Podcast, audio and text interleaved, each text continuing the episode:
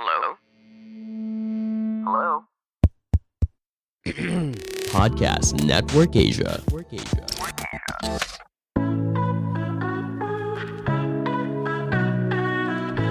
Selamat datang di AS Talk.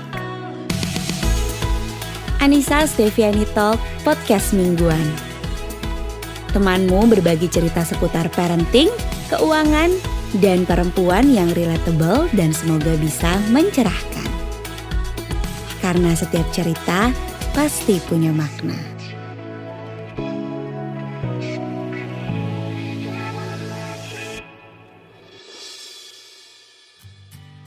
AS Talk didukung oleh Podcast Network Asia. Untuk mempelajari lebih lanjut tentang podcast lain dan juga network, ikuti Podcast Network Asia di media sosial atau kunjungi situs webnya di podcastnetwork.asia. Didukung juga oleh Podmetrics, cara termudah untuk memonetisasi podcast kamu. Daftar sekarang gratis di podmetrics.co. Halo. Halo. Aduh capek banget aku. Jadi karena kami berdua lagi merutinkan workout, terus biasanya workoutnya pagi ya. Kalau saya sekolah, ini karena saya udah di rumah, workoutnya jam segini, pengen tidur siang. Jadi ini tuh sore. Mm-mm, Sore-sore dan pengen tidur siang.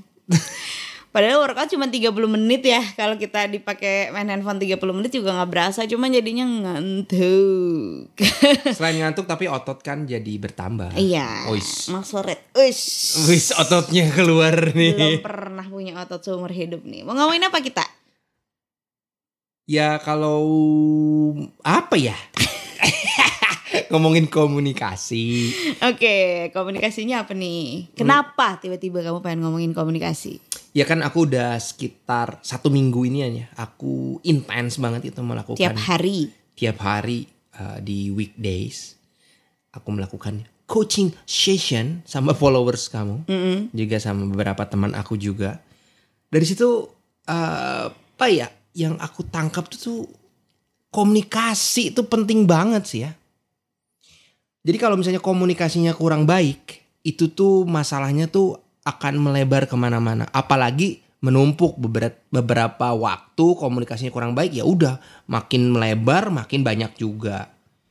Jadi ada tuh orang yang eh, masalah tentang karir kok aku stuck karirnya stuck gitu. Terus ada juga yang bingung bisnis aku tuh nggak lancar nih salesnya kok nggak naik naik terus ada juga yang aku tuh pingin punya pendidikan karakter yang seperti ini eh, value keluarga ku gini tapi kok nggak berhasil gitu. Setelah di breakdown ujung-ujungnya tuh satu sih kurang komunikasi yang baik sama pasangan. Hmm, karena kebetulan semuanya udah nikah gitu ya. Mm-mm, betul. Jadi jadi komunikasi ini menjadi penghambat dari hal-hal yang kamu sebutin tadi. Ada yang jadi karirnya merasa stuck, ada yang bisnis jadi nggak jalan, ada yang anaknya jadi tidak dibesarkan sesuai keinginan. Ternyata masalahnya bukan anaknya, ternyata masalahnya bukan bisnisnya, Yap. ternyata masalahnya bukan karirnya, tapi masalahnya ada di komunikasi sama pasangan.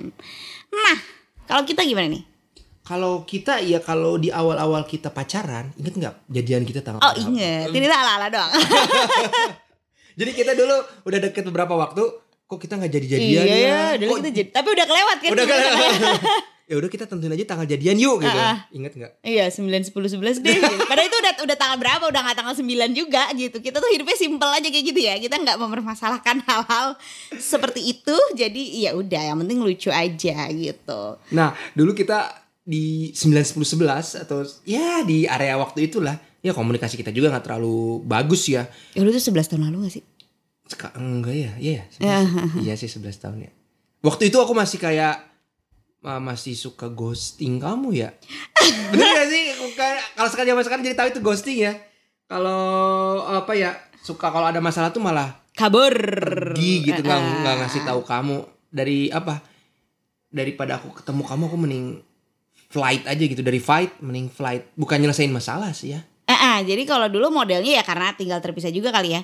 Kalau dulu kamu modelnya tuh tipe yang bukan ghosting itu istilahnya, itu namanya silent treatment. silent treatment oke Ah, ah, jadi kalau kamu marah itu yang kamu lakukan adalah mendiamkan aku, matiin handphone, kayak kalau di zaman sekarang diputusin sih pacaran sama orang kayak gitu. Tapi Red flag banget sih. Tapi kenapa kamu kayak malah Dulu mah nggak paham kalau itu tuh nggak boleh dalam sebuah hubungan. Kalau sekarang udah paham kayak red flag banget, gila parah gitu ya.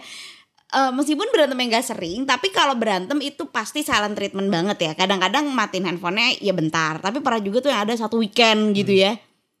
Abis itu kan aku panik ya ke mana gitu kan. Aku tuh tidak terbiasa karena aku tuh tipe yang konfront. Aku tuh kalau marah aku datengin siapa sini semuanya kita mau ngapain juga aku berantemin gitu kan. Karena aku ti- tipenya bukan uh, silent treatment. Tapi kan kamu silent ya. Sampai ada yang momen aku sampai nelfon mama kamu nanya kamu ngabarin apa enggak enggak juga gitu ya udahlah aku susulin aja terus aku nyusulin ke kontrakan aku kosan? kosan terus kamu lagi main sama main game sama temen kamu terus kayak like nothing happen gitu ih kalau sekarang mah jadi tweet viral dah di twitter dah males banget gitu ya jadi memang eh, apa tuh itu istilahnya apa ya? yang flight fight freeze itu manusia saat menghadapi masalah ya Ja- Jika dalam Konflik tekanan, ya? tekanan atau konflik ketemu Oke. dengan masalah ya ada. Aku berarti waktu itu tipe orang yang flight ya, kabur gitu. Kalau kamu kebalikannya ya fight gitu. gitu ya semangat itu juga yang ketika aku eh, rasain di coaching ya. Jadi ada orang yang memang nggak flight, nggak fight gitu. Tapi satu lagi ada freeze, freeze. Jadi mereka kayak kok kamu nggak nggak bilang sama pasangan kamu misalnya kalau dia ke suaminya atau ke istrinya gitu kenapa? Aku takut dia lagi sibuk. Oh dia bilang gitu di pas ketika kamu bilang "Ah, aku lagi sibuk enggak sih itu asumsi aku aja.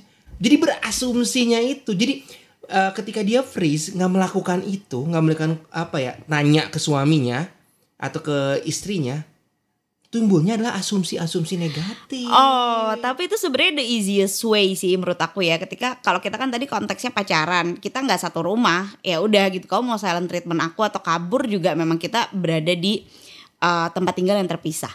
Tapi ketika menikah, menurut aku opsi freeze ini adalah opsi paling mudah yang dipilih orang-orang karena ya kamu satu rumah kamu nggak bisa flight, maksudnya kamu mau kabur ke mana gitu ya, dan kamu nggak cukup berani untuk fight, ya satu-satunya opsi ya kamu freeze, kamu diem aja, udah terima gitu. Nah kalau yang kita lakukan dulu kan kamu jadi nggak flight lagi kan, berujung aku fight fight fight fight dan kamu defense defense defense gitu kan, itu awal-awal nikah juga kita berantemnya kayak gitu ya. Tapi ya pada akhirnya yang kita bisa bilang setelah 9 tahun nikah komunikasi itu memang dilatih diusahakan dan dipaksakan gitu. Bukan cuma dilatih aja dipaksa emang aku tuh. Diem nggak diem nggak kamu ngomong dulu nggak sama aku di sini. Gitu kan? Itu kan memaksa ya? Atau kayak bisa nggak handphonenya simpen dulu? Kita ngobrolnya fokus gitu kan? Ya memang dilatih gitu. Iya itu kan sering ya orang bilang tuh suamiku tuh nggak pernah mau dengerin aku karena kalau aku ngomong tuh matanya ke handphone terus. Nah udah nyoba. Belum kamu bilang sama suaminya simpen nggak handphone kamu? Aku mau ngomong gitu. Kalau aku kan gitu ya. Kalau kamu gak nyimpen handphonenya aku tungguin simpen nggak? Simpen nggak? Gitu. Terus pas aku ngomong gini aku kayak pernah ngomong gini di live apa di story gitu. Ada yang bilang bahwa ah suamiku tetap aja katanya dia bisa dengerin aku sambil main handphone. Nah itu kan kurang maksa ya menurut aku. Nggak nggak bisa cuman dilatih dan diusahakan. Harus ada faktor maksanya ini. Ya kamu ambil handphonenya gitu. Kalau berantem ya berantem dulu kalau kita mah gitu gitu ya. Atau juga maksanya bisa lebih halus. Sayang aku tuh pengen didengerin. Dengerin dulu dong itu gitu. itu kalau kalau mau versi drama ya? Versi drama atau versi ya itu juga sebenarnya maksa tapi dalam versi nagging gitu ya. Iya ha. tapi kan ada yang gak suka juga. Dulu juga kamu gak suka aku nagging apalagi kalau aku nangis. Kan Jadi- aku malah tambah dimarahin. Jadi kamu uh, udah tahu caranya ke aku tuh uh, maksanya tuh nggak cara nagging tapi Ah, ah, ah, bukan nagging. tegas Kalau gitu sama ya. kamu harus tegas kan ternyata. Ah. Kalau dulu kan aku nagging sambil ala mau nangis, tapi aku ah, udah nggak akan jadi nggak akan jadi ngomong karena kamu nggak suka ternyata. Sementara aku kan tipe yang dikit-dikit nangis, dikit-dikit nangis. Aku aku tuh tipe anak SMA yang kalau kecewa di sekolah tuh aku menelungkupkan tangan di meja lalu aku menangis gitu. Aku tidak merasa nangis adalah sesuatu yang perlu dihakimi. Jadi dulu aku gitu, tapi kamu kamu dengerin aku mewek terus kamu malah jadi nggak dengerin aku karena kamu tidak suka melihat aku menangis kan. Nah, setelah itu aku aku mengubahnya dengan cara aku mau ngomong deh. Eh aku mau padahal cuma mau cerita nggak penting ya. Iya kan? Bukan mau ngomong serius ya. Terus kalau yang paling sebel apa ini ada video lucu ah gitu tuh, karena share meme iya. Tapi kan sekedar kayak gitu aja aku mau kamu dengerin aku full tidak mau kamu sambil main handphone karena bullshit bisa multitasking itu mau orang bilang cewek bisa multitasking juga kalau kita scroll TikTok sambil suami ngomong mah da- nggak denger ngomong apa Iya, instead of dia fokus ke suaminya ngomong atau fokus ke TikToknya ya. Iya, nggak bisa kita dengerin dua-duanya. Multitasking itu tuh nggak ada. Kita tuh hanya bergantian aja. Kadang lihat TikTok, kadang lihat Apa switch? ah, ah, kita Switch switching. gitu Ah, ya. ah, bukan multitasking. Nah, that's why coba dulu minta dia fokus. Kalau udah dicoba nggak bisa, ya dipaksa dong gitu. Nggak ngerti. Aku sama orang-orang yang nggak mau maksa suaminya gitu. Kan aku tanya nih, dia Ah. bilang, "Aku udah coba berusaha beberapa kali." Berapa kali? Nah, Apa yang dia jawab? Nggak bilang berapa kali. Nggak tahu. Nggak tahu. Coba kalau bilang, "Udah aku coba berapa? Seminggu lima kali gitu." Ada gitu. Oh iya aku emang. tuh tiap malam udah nyoba gitu ya. Ah. Udah berapa lama? Dua minggu. Nah, Caranya gimana? Caranya sama. Ya hasilnya sama dong gitu ya. Coba kamu lima kali berusaha menggunakan metode yang berbeda. Benar. Itu kan namanya juga usaha ya, diusahakan. Ah, mengusahakan cara-cara yang berbeda. Mungkin cara pertama kurang efektif, cara kedua tadi yang kamu lakukan ya, ah. menangis tidak efektif. Ternyata aku tegas, oh ternyata efektif. Ah. Itu yang kamu lakukan berbeda. ya benar benar benar. Maka memang ada hal-hal yang perlu dilakukan secara berbeda. Ya karena kalau usahanya sama, hasilnya juga sama gitu. Oh, pulang kerja ngomong sama dia nggak works nih, marah. Udah ganti lagi deh, ganti lagi. Ngomongnya pas lagi makan, nggak works juga. Ngomongnya pas lagi sebelum tidur. Gak works juga ngomongnya pas lagi di kantor, ngomongnya pas lagi di jalan, ngomongnya pas lagi di motor, ngomongnya pas lagi di mobil ya ganti-ganti. Angle ngomongnya juga bisa diganti-ganti kan sebenarnya. Atau misalnya memang kalau perlu pacaran lagi gitu ah. berdua, titipin lah anak sama siapa dulu gitu Siapa? Sama kita juga sama, nggak tahu. sama ibunya eh sama neneknya terus sama siapa ya tantenya aja atau enggak kirim email. kalau itu kan tipe yang udah beberapa kali coba ya kalian pacaran berdua misalnya harus apa ya Ini ini staycation. bad chat doang padahal kita berdua nggak suka sebenarnya staycation itu. ya Tapi kalau kita, kita, works ya. kalau kita works kan mungkin yang lain Iya benar benar Ah, benar benar. Yang komunikasinya nggak works di hari-hari biasa mungkin dicoba juga gitu ya kalau luar. Karena sering juga tuh aku diomongin gitu, ah males ah ngobrol sama suamiku soalnya dia suka marah. Kalau aku mah jawaban aku kalau dengar orang kayak gitu adalah ya terus kenapa kalau marah? Mm-mm. Bener kan? ya kalau misalnya memang itu obrolannya itu penting banget buat keluarga ya kalau dia care ya dia akan apa ya akan involve gitu di Hmm. diskusi itu gitu dengan serius Ya dan nggak perlu melulu menghindari konflik gitu. Kita tuh diajarin untuk jangan berantem gitu tuh diajarin untuk kalau berantem disuruh cepet baikan kan nggak juga gitu ya. Kalau misalnya konfliknya sesuatu yang memang sensitif bagi kedua belah pihak dan memang harus berantem, ya berantem dulu aja atau udah emang kenapa gitu kan berantem juga nggak apa-apa ya asal nggak pukul-pukulan asalkan argumennya tersampaikan semua ngotot-ngototan pun tidak salah gitu. Cuman ya itu kebanyakan orang diajarinnya tuh berantem dalam tanda kutip berargumen itu tuh nggak baik gitu loh. Diam itu emas gitu kan dibilangnya. Jadinya ngerasa kalau aku diam adalah aku yang paling berusaha, aku yang paling berjuang. Enggak juga sih. Padahal ada juga apa istilah bahwa berantem yang sehat gitu. Ah, Ya ah. berantem yang sehat tuh seperti itu ya. Kamunya mungkin harus bawa data. Eh, berantemnya tuh cara eh, menyampaikan informasi atau yang kamu sampaikan itu eh, baik atau enggak itu kan maksudnya berantem sehat juga. Nah tapi emang ini ya capek ya. Capek banget sih. Karena memang perlu diusahakan. Tadi kan bilang perlu dipelajari nih orang Ah, ah. eh, ben- ini binatang apa nih? Gitu kan komunikasinya harus seperti apa nih? Kayak gitu kan. Iya lagian juga balik lagi semua orang punya background yang beda-beda Orang menghadapi konfliknya dengan cara yang berbeda-beda juga gitu. Pada akhirnya ketika kamu menikah kan baru pertama kali nih Satu rumah sama nih orang Terus juga kita tuh tiba-tiba harus berdiskusi banyak hal ya sama orang ini. Kalau kita nggak diskusi ternyata banyak yang nggak berjalan dengan baik kan Ya pada akhirnya memang butuh usaha yang lebih gitu untuk saling memahami itu tadi gitu. Nah kalau bisa kita rekap nih komunikasi kita sekarang itu yang pertama adalah lebih efisien ya kayaknya ya. Mm-mm. Karena biasanya bi- dulu dulu ya. Mm, Kalau kamu nggak ngangkat telepon aku kesel banget sih. Marah banget sih, marah banget. Karena aku tipe yang kalau ngasih tahu atau apa ngomong sama kamu Ngaba- ngabarin ngabarin sesuatu. itu tuh pingin ngomong langsung gitu karena aku tuh kangen sama kamu sih sebenarnya pingin dengar suara kamu tapi kamu suka marah kan Tapi itu kan cuman ke kantor doang sebentar bos. Kita ketemunya juga nggak dua jam doang nggak. Iya tapi kan kangen juga kalau kamu lagi di kantor tuh eh, kamu dia eh aku lagi meeting dia gitu kan. Halo, bentar aku lagi kerja gitu kan. atau pas aku bilang sayang I love you gitu kamu tuh, ya gitu Terus gitu kamu jawab dulu. Gak ah.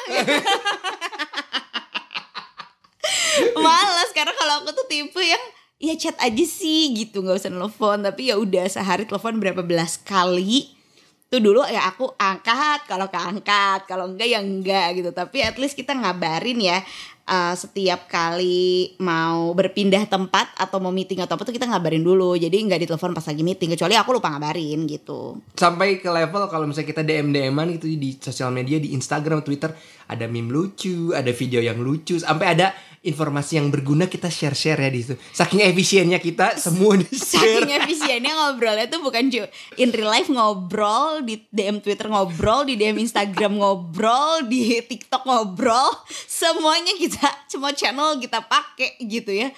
Jadi jadi tuh kadang-kadang nggak kebuka kan ada yang nggak kebuka kamu udah TikTok belum? Eh aku DM di Twitter. Ah gitu ya. Tapi ya udah lebih efisien lah ya. Terus aku ada juga di teman kantor aku tuh. Jadi jam jam jam istirahat, eh, aku ngajak makan ke dia dia sekretarisnya bos aku. Eh ayo kita makan. Bentar bentar mas, aku lagi bikin powerpoint katanya. Terus bikin powerpoint apa? Emang disuruh apa sama bos? Enggak buat suami aku. Hah? Kenapa? Kenapa? udah cerita udah cerita Iya. Dia udah cerita deh di podcast Oh iya udah ya? Iya suaminya tuh mau bikin eh, mau beli sepatu baru gitu. Dia marah gitu kenapa beli sepatu baru menjelaskannya dengan PowerPoint. PowerPoint. Dia menjelaskan apa yang ada dirasakan dia. Jadi buat dia efisien lewat PowerPoint, nggak tahu buat teman-teman yang lain seperti apa gitu. Cuma masalah telepon ini menurut aku tuh penting banget loh. Soalnya kan kalau sekarang oke lah ya, kita tuh eh, satu rumah sama-sama bekerja dari rumah lah ya. Kamu nggak kerja, aku kerja dari rumah. Kita tuh emang ketemu terus dan memang pada akhirnya maksa ngobrolnya tuh adalah aku mau ngomong. Saya dengerin aku dulu gak? Dengerin aku dulu gak? Gitu kan. Terus aku apa? Ini video lucu. Ah, ini TikTok. ini TikTok ini nih, nih, lucu banget nih bayi nih gitu kan. Iya, iya tapi itu kan eh, lebih bisa eh, lebih mudah gitu ya. Kita tuh kayaknya nggak nggak effort effort amat gitu kan. Tapi kalau dulu kan gila banget sih menurut aku effort kita untuk tetap bisa mengkomunikasikan segala hal dalam kondisi kamu bekerja full time, aku bekerja full time, nggak ada mbak, nggak ada neni ya. Kok kita bisa ya komunikasinya lancar gitu? Ya karena maksain gitu. Kamu kalau aku nggak angkat telepon marah, which juga aku jadi kayak ngerasa gak enak kalau kamu udah nelfon terus aku nggak angkat. Terus juga kayak ada hal-hal yang aku tuh suka cerita dulu panjang gitu kan di WhatsApp. Aku mau cerita teksnya tuh kayak panjang habis itu dan gitu. Terus ya udah kamu balasnya sesempatnya aja. Nah kalau gitu dulu kan mengusahakan sekali hal-hal seperti itu gitu. Jadi nggak jadi excuse ya kalau menurut aku perkara. Tapi dia sibuk kerja, tapi dia nggak ada waktu, tapi dia eh, terlalu sibuk. Emang nggak mengusahakan dan gak meluangkan waktu aja sih. Kurang kangen kali ya? Kurang sayang mungkin. Oh. Cuman berpisah satu jam pergi kantor aja kangen gimana sih? Ya terus berikutnya adalah lebih terbuka juga ya. Iya. Jadi Karena ketika kita terbuka tuh kita kan transparan gitu ya. yeah, Jadi- baru nonton drakor nih, saya transparent. jadi, jadi kerasa banget manfaatnya gitu ketika aku terbuka sama kamu. Kamu juga bisa punya apa ya bisa tahu oh kamu tuh perlu ini gitu. Konsoling akunya kayak gimana Iya, dulu juga sebenarnya kalau dibilang terbuka mah terbuka ya. Kita tuh transparan itu level nggak bisa bohong lah kalau lagi marah gitu ya. Pasti tahu kan, oh, kenapa kamu marah gitu ya. Mukanya tuh tidak bisa berbohong. Gimana ya orang-orang yang sampai nggak tahu kalau istrinya marah, sampai nggak tahu kalau suaminya marah antara mengabaikan atau ya nggak sensitif aja kali ya sama perubahan emosi. iya mungkin lagi ngobrol sambil buka TikTok lihat mukanya Oh ya, iya, dong jadi nggak tahu kalau dia marah. Kalau kita kan tahu ya, kamu kenapa nggak enak gitu mukanya? Kamu kenapa kalau kenapa kamu marah gitu kan? Enggak, nggak marah capek aja. Oh ya oke gitu.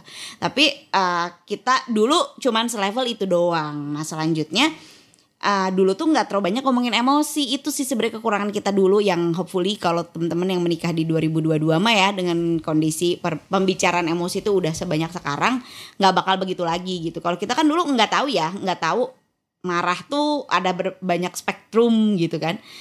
Kita tuh cuma taunya tuh marah diem aja udah. Nggak tahu bahwa marah tuh kita bisa breakdown jadi ada marah banget, ada kesel, ada kecewa gitu kan. ada marah dan sedih gitu ada marah doang sih tapi nggak sedih gitu. Itu kan kita nggak bisa tuh dulu mendefinisikan itu gitu. Sampai kita punya anak punya Silo terus ketika Silo lagi nonton terus emang jam waktunya dia udah selesai nonton kita dia kan manyun tuh. Kita tanya Salo marah? Enggak. Salo kecewa? Iya gitu. Oh bukan marah. Jadi dia lebih ke kecewa gitu dari anak juga kita banyak belajar sih bahwa memang perasaan itu tuh eh, apa ya luas banget gitu. Jadi ada baiknya kamu eh, untuk belajar apa ya menilai perasaan kamu seperti apa ke pasangan. Jadi pasangan juga akan tahu harus bersikap sama kamu seperti apa. Hmm, jadi kalau kita mau belajarnya memang pas kita belajar validasi emosinya Silo gitu ketika psikolog bilang psikolog anak di daycare dulu bilang iya bu jadi emosinya harus divalidasi. Kalau dia kecewa kita harus jelaskan ini namanya kecewa. Kita kayak ah kita Ah, aja nggak pernah gitu ya memetakan apa yang kita rasakan.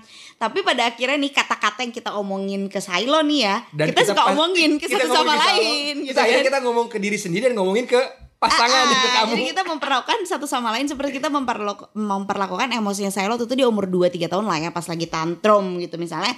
Kita suka bilang ke Silo iya ini Silo sedang marah marah itu boleh gitu. Terus aku lagi marah nih ceritanya nih. Terus kamu bilang apa boleh kalau marah gitu. oh kamu marah? Ya udah nggak apa-apa. Marah kan boleh. Emosi sih ya. Tapi kayak oh iya ya kan boleh ya marah gitu atau enggak kecewa gitu. Ya nggak apa-apa mau kecewa ya boleh. Nanti kalau udah nggak marah kita ngobrol. Itu tuh kata-kata yang kita omongin ke Silo tapi pada akhirnya kita ucapkan pada diri sendiri dan kita ucapkan pada satu sama lain sampai kita juga jadi paham ya. "Oh iya ya kalau mau marah ya marah dulu aja gitu. Kenapa harus cepet-cepet tidak marah gitu Ya kan? udah, silakan ambil waktu kamu untuk marah gitu. Karena memang kalau marahnya dipendam juga nggak baik ya. ya kamu boleh marah boleh marah-marah tapi tidak boleh mukul ya sayang tidak gitu boleh ya. apa tidak boleh apa. Kamu ingat tidak ya boleh gitu ya tidak boleh merusak ya. Jadi jadi apa ya makanya kalau sekarang ada orang nangis terus ya udah cepet udah jangan nangis lagi jangan nangis lagi. Kayak kayak Iya nangis aja gak sih gak apa-apa gitu. Meskipun dia sudah dewasa ya mungkin memang masih pingin menangis Aduh jadi inget tuh pas coaching ada beberapa orang eh, nangis gitu kan. Ah, aku bilang coba misalkan ada pasangan kamu di depan kamu, kamu mau bilang apa? Dia nangis terus nangisnya belum selesai dia bilang apa? Ah udah udah aku terus dia nangis lagi. Artinya dia memang Belum mungkin belum selesai. selesai dibiasakan eh, jangan Cepet-cepet. nangis jangan nangis cepet-cepet. Kalau take your time gitu kalau mau nangis terus nggak apa-apa gitu. Jadi memang kamu juga harus ketemu sama diri kamu sendiri tuh. Jangan cepet-cepet lah gitu. Kalau memang lagi sedih coba sedih nggak apa-apa. Sedih-sedih lah. gitu. Tidak ada yang terlalu lama jadi eh, keywordnya tuh ya. Kalau kamu merasa aduh udah kelamaan sedih lamanya berapa lama nih dua minggu gitu kan? Enggak juga gitu ya. Kalau mau semalaman mah nggak apa-apa gitu. Jadi eh, batasnya tuh dua minggu nih. Kalau kamu sudah dua minggu sedih dan em, kehidupan sehari-hari kamu terganggu, baru kamu perlu bantuan psikolog atau psikiater. Tapi kalau kamu sedihnya tiga hari, empat hari, atau abis itu kamu ada semangat lagi, itu mah nggak apa-apa sebenarnya. Cuman ya eh, apa ya dikenali bahwa aku sedang sedih, aku sedang tidak baik-baik aja. Jadi bukan yang terhanyut sedih tapi nggak paham juga nih kenapa gitu. Dan juga jangan sebaliknya juga sedih terus buru-buru dihapus nggak boleh sedih nggak boleh sedih nggak gitu juga sih gitu. Mm-mm. Lalu lebih pintar, aduh lebih pintar. Jadi maksudnya tuh lebih pintar mengkomunikasikannya gitu ya. Kalau aku tuh dulu aku sebel banget sih sama kamu karena aku tuh nggak bisa ngeluh sama kamu karena kamu tuh modelnya tuh ingin mencarikan solusi untuk aku, ya kan? Karena aku tuh pingin orang yang bisa dihandalkan sama kamu Ah, gitu padahal kan. aku juga nggak minta itu gitu ya. Dulu Padahal tuh kamu cuma pengen dengerin doang dulu ya. tuh sering banget berantem karena aku cuman ngeluh doang nih. Aku nggak minta solusi. Aku cuman pengen ngeluh. Aduh aku capek banget ini gini gini. Lah kamu terus nge-coaching aku gitu ya. Jadi kamu mau ngapain? Jadi apa nih yang bisa kita lakukan? Jadi apa nih? Kayak harus grow, harus grow, harus grow gitu. Nggak mau, cuman pengen bilang aja aku capek. Habis itu berantem itu dulu sering banget ya. Kita berantem gara-gara itu gitu. Sampai akhirnya ngomong, aku nggak usah ngeluh lagi nih sama kamu. Soalnya aku malah dikasih solusi orang aku nggak minta solusi gitu. Jadi aw- awalnya sih aku memberi warning, aku mengeluh doang nih gitu. Tapi lama-lama kayaknya aku juga jadi jarang ngeluh ya. Seiring dengan segala sesuatu bisa dikomunikasikan lebih baik, si kadar mengeluh juga jadi berkurang gitu. Nggak tahu gara-gara udah gak punya bayi ya. Ya aku dulu masalahnya memang Masalahnya emang bayi ya sih. Maksudnya capek karena punya anak. ya capek juga ya. Ah, kan banyak hal-hal yang nggak terjawab tuh waktu pertama kali punya bayi itu ya. Seperti aku ngerasa karir aku di sini-sini aja, misalnya stuck. Abis itu kamu memberikan solusi-solusi yang menurut aku kayak apa sih aku cuma bilang pengen bilang karir aku stuck, aku nggak pengen resign, aku nggak pengen pindah kerja gitu. Nah sebelumnya juga kamu sebelum ben- bener berhenti banyak ngeluh gitu, Hmm. kamu uh, akhirnya bilang aku mau ngeluh. Tapi aku nggak perlu solusi ya. Iya Oh, gitu, gitu, kan, kayak- kasih warning kan. Oh ya itu kan itu juga salah satu kita lebih terbuka juga Ah, kan ya. ah, ah, ah. Ya gitu. Jadi kalau sekarang sih kebanyakannya udah ada, at least udah ada bahan diskusinya lah gitu ya. At least mau ngomongin ini tuh kasih link lah gitu. Ini kita mau ngomongin apa gitu kan. Ya misalnya kita punya masalah gitu. Se- aku juga sebelum datang ke kamu bilang bahwa ada masalah, Hmm. aku coba cari solusi dulu gitu. Ah gimana sayang menurut kamu ini aku punya masalah ini. Hmm. Ah, maksud kalau solusinya ini gimana? Terus kamu punya ah, apa ya point of view yang berbeda gitu? Atau misalnya kamu setuju dengan itu tapi ditambahin sesuatu gitu, kayak gitu. Jadi ah, teman-teman juga kalau misalnya punya ngeluh, coba deh apa tanya ke diri sendiri ini permasalahannya gimana cara menyelesaikannya, baru diobrolkan dengan pasangannya. Jangan cuma masalah doang ya kali-kali bawa juga dong solusinya gitu biar enak diskusinya. Dan terima kritik. Nah. Hmm, siapa itu yang nggak bisa terima? Ya, kritik? bukan pemerintah ya, pemerintah atau siapa tuh yang nggak bisa terima kritik? Negara. Siapa ya kira-kira? Aku dong. Aku tuh nggak bisa nerima kritik Ah. banget ya. Pasti dibantah ya. Pasti defense. Ah, pasti defense, ah. Heeh. Ya dibantah lah. Iya iya iya. iya. Dibantah dulu ya maksudnya gini misalnya aku bilang kayaknya kamu kebanyakan ma ini deh ngotak-ngatik motor gitu. Uh, pasti kayak tersinggung. Padahal tahu sih benar gitu ya. Tapi pertama tuh tersinggung dulu gitu ya. Habis- Marah dulu Oh lah. marah dulu, marah dulu. marah dulu kan karena tersinggung. Habis itu enggak aku kan mem- mem- mem- membela diri, membela diri, membela diri. Tapi habis itu Iya sih bener sih gitu tapi eh, bener sihnya tuh ya udah setelah membela diri dulu gitu kalau dulu kayak gitu kalau sekarang sih udah enggak ya padahal aku cara ngomongnya menurut aku sama-sama aja sih cuman kayaknya kamunya juga lebih apa ya leb- udah lebih cerdas emosional gitu ya Berlatih gitu. Ah, ah, mungkin juga sih trauma-trauma di masa lalu eh, wound luka-luka luka-luka ya udah. luka-luka Kita nggak bisa bawa ini ke arah serius gitu. Gak boleh nyanyi ya, gak boleh nyanyi. Luka-luka dari masa lalu. Apaan? Aku serius ngomongnya. Tapi luka-luka kamu tuh ada nada lagunya keganggu. Jadi oh ya berarti ini juga ada hubungannya sama eh, perjalanan kita menyembuhkan inner child ya. Seiring dengan inner child kita makin baik, kita juga makin bisa ber- berkomunikasi dan lebih baik gitu. Aku juga merasakan sendiri tuh luka-luka yang kamu rasakan dulu. Mungkin juga kenapa kamu tiap kali aku eh, kritik dalam tanda kutip bukan kritik sih, komplain juga. Ya komplainnya kayak terlalu harsh deh. Cuma nanya doang sesuatu yang menurut kamu itu tidak enak, itu tuh kamu tuh langsung wuh gitu ya langsung meledak gitu karena kamu tidak menyukai kalau ada seseorang yang bilang gitu gitu sama kamu. Nah tapi seiring aku menyembuhkan inner childku, bukan menyembuhkan berdamai dengan masa laluku, kamu berdamai dengan masa lalumu itu tuh jadi lebih mudah gitu ya segalanya jadi oh iya oke ya udah jadi sesederhana itu gitu. Iya ya, ayo deh nggak deh, ntar lagi nggak deh gitu kan. Oh, itu kan kalau aku terima kritik. Ah. Kadang-kadang sebelum terima kritik dulu tuh aku nyerang duluan gitu. Ah, Dan ya sekarang aku ngerasa aku apa ya kalau aku track back lagi ke belakang gitu. Siapa sih orang yang aku kayak gitu? Hmm. Aku mulai mengingatnya terus aku mulai minta maaf gitu. Hmm. Eh, direct ke mereka gitu. Eh, aku minta maaf kalau aku kayak gitu zaman dulu gitu. Ya aku udah lakuin itu sih ke beberapa orang yang per, eh, dalam terkuntik aku bully Hmm. gitu karena sebenarnya aku insecure sama diri aku sendiri gitu sebelum mereka kritik aku nyerang duluan Hmm. kayak gitu jadi aku juga udah minta maaf ke beberapa orang yang ya memang nggak nyaman sih ya ternyata di apa ya, Prosesnya. di, ah, sih prosesnya jadi aku juga nggak mau mereka ah, akan seperti itu juga ke orang gitu gara-gara aku Iya itu sih itu awalnya dari bully emangnya. Terus kalau dulu tuh aku yang suka dikatain nggak bisa terima kritik sih sama kamu terus aku kayak emang apa ya? Apa ya? Aku kan nangis doang. Bukan modalnya nangis. Tapi aku kan nggak pernah marah. Aku jarang banget gitu marah balik. Oh iya iya iya, mewek gitu kan. Nah tapi ketika aku mewek itu juga dianggap sebagai itu ya sama kamu ya sebagai serangan baru gitu. Sehingga kalau aku menangis maka harus aku lawan lebih kuat gitu kan. Nah itu.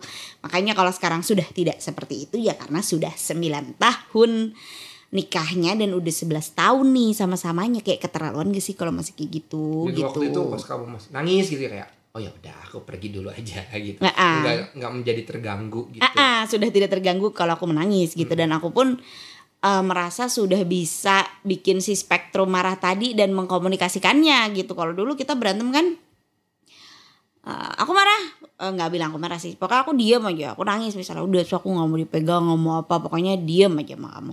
Nah habis itu tuh titiknya tuh yang aku bilang titik ekstrim itu aku marah habis itu aku tidak marah gitu.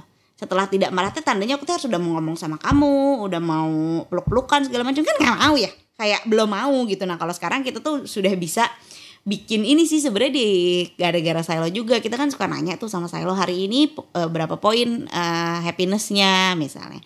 Atau enggak tadi kamu sepertinya sedih sekali ya sedihnya tuh berapa poin? One to ten. Nah dia tuh kan suka bilang tadi sedihnya misalnya 6 gitu. Kadang-kadang sedihnya 9 oh berarti sedih banget. Nah aku juga sudah bisa membuat poin gitu atas diriku sendiri. Oh aku marahnya tadi 10 sekarang tinggal 7 sih. Udah mau sih kalau ngomong tapi ya kalau eh, misalnya harus nonton drakor berdua masih nggak mau misalnya gitu jadi aku belajar memberi eh, rating pada emosi-emosiku sendiri sehingga juga kitanya tuh nggak dipaksa untuk cepet-cepet baik-baik aja padahal kitanya belum baik-baik aja Sama rating itu juga buat aku sih kayak membantu banget buat tahu level kamu tuh udah sampai sekarang di mana Nah. gitu. Karena zaman dulu kata kamu bener sih ada dua cuma kamu lagi marah dan tidak marah aja gitu. Tapi dengan ada ratingnya ini tuh kayak kita menilai diri kita sendiri juga tahu gitu. Oh kita tuh ada di level ini gitu. Ya apa ya sesuai lah dengan sikap yang kita ambil karena kita masih di level ini. Iya. Kayaknya itu membangun kamu juga untuk lebih apa ya mengenali diri kamu sendiri lebih baik lagi. Hah, karena kan kalau dulu ya udah nggak ada ya udah dua sudut ekstrim aja marah dan tidak marah itu nggak work sebenarnya gitu kadang-kadang tuh ih orang aku masih kesel kenapa ya aku kayak gini gitu nah itu karena kamu tidak mengenali dan nggak bikin ratingnya jadi kalau sudah 9 tahun nikah udah sadar banget nih emosi juga bagian dari faktor penting dalam kelancaran kom- komunikasi Uh, semakin kamu mengenali dan mengelola emosi semakin baik juga cara kamu berkomunikasi percaya nggak Percaya sih. Ya. Jadi kalau sekarang ada masalah komunikasi mungkin yang harus dibenahi dulu justru pengenalan diri pada emosinya. Nah, ini sih yang aku baru apa ya, baru menyadari karena dulu sih sebelum aku sendiri kenal sama emosi-emosi ini ya, aku tuh ya udah karena aku anak komunikasi dan aku eh, cuman tahu teori-teori komunikasi, aku pikir komunikasi itu sederhana aku ngomong kamu dengar gitu. Aku ngomong kamu dengar pesannya sampai. Ternyata enggak gitu ya. Aku ngomong kamu dengar Uh, gimana perasaan aku, gimana perasaan kamu itu tuh faktor krusial gitu untuk hubungan antar manusia. Aku nggak mau kalah, kamu jurusan komunikasi, aku telekomunikasi dong. Eh kalau nggak ada orangnya gimana? Telekomunikasi juga harus tahu kualitas komunikasi yang dikiriminya jernih atau enggak. Oh, gitu. iya. Kalau sinyalnya putus-putus berantem. Kita Berantem. kita sering banget sampai detik ini berantem gara-gara Sinyal- ah sinyalnya jelek ganti-ganti. Aduh capek banget, capek banget. Kok kamu nggak bisa ditelepon? Ya nggak tahu kan aku lagi di jalan, jaringannya jelek kali. Aku tahu ah. Gitu. berantem gara-gara sinyal. Oke. ya udah gitu aja sih intinya kalau kita rekap lagi yang tadi sih ya kalau kalau teman-teman di sini merasa uh, ada yang perlu di apa ya diperbaiki dari komunikasinya pesanku adalah komunikasi itu dilatih, diusahakan dan dipaksakan. Oke, teman-teman, selamat berlatih. Selamat mengusahakan dan selamat memaksakan. By the way, kamu manggil fans kamu apa sih? Enggak aku nggak manggil mereka. Ngomongin mereka, Enggak. aku kamu aja gitu, Iya. biar akrab. Ah, ah. Oke lah kalau gitu. radio. Oke, see you. Bye bye, aku JG. Bye, Ste. Bye. Nah, gimana episode tadi? Pasti seru dong. Seru dong. Kalau pengen yang seru lagi, bisa dengerin di podcast Beban Istri bersama gua Rene dan Harry hore. di sini kita bakal ngomongin apa ya? Permasalahan rumah tangga. solusinya. Tidak ada. Pokoknya ditunggu di podcast Beban Istri hanya di podcast Beban Istri yang ada istrinya.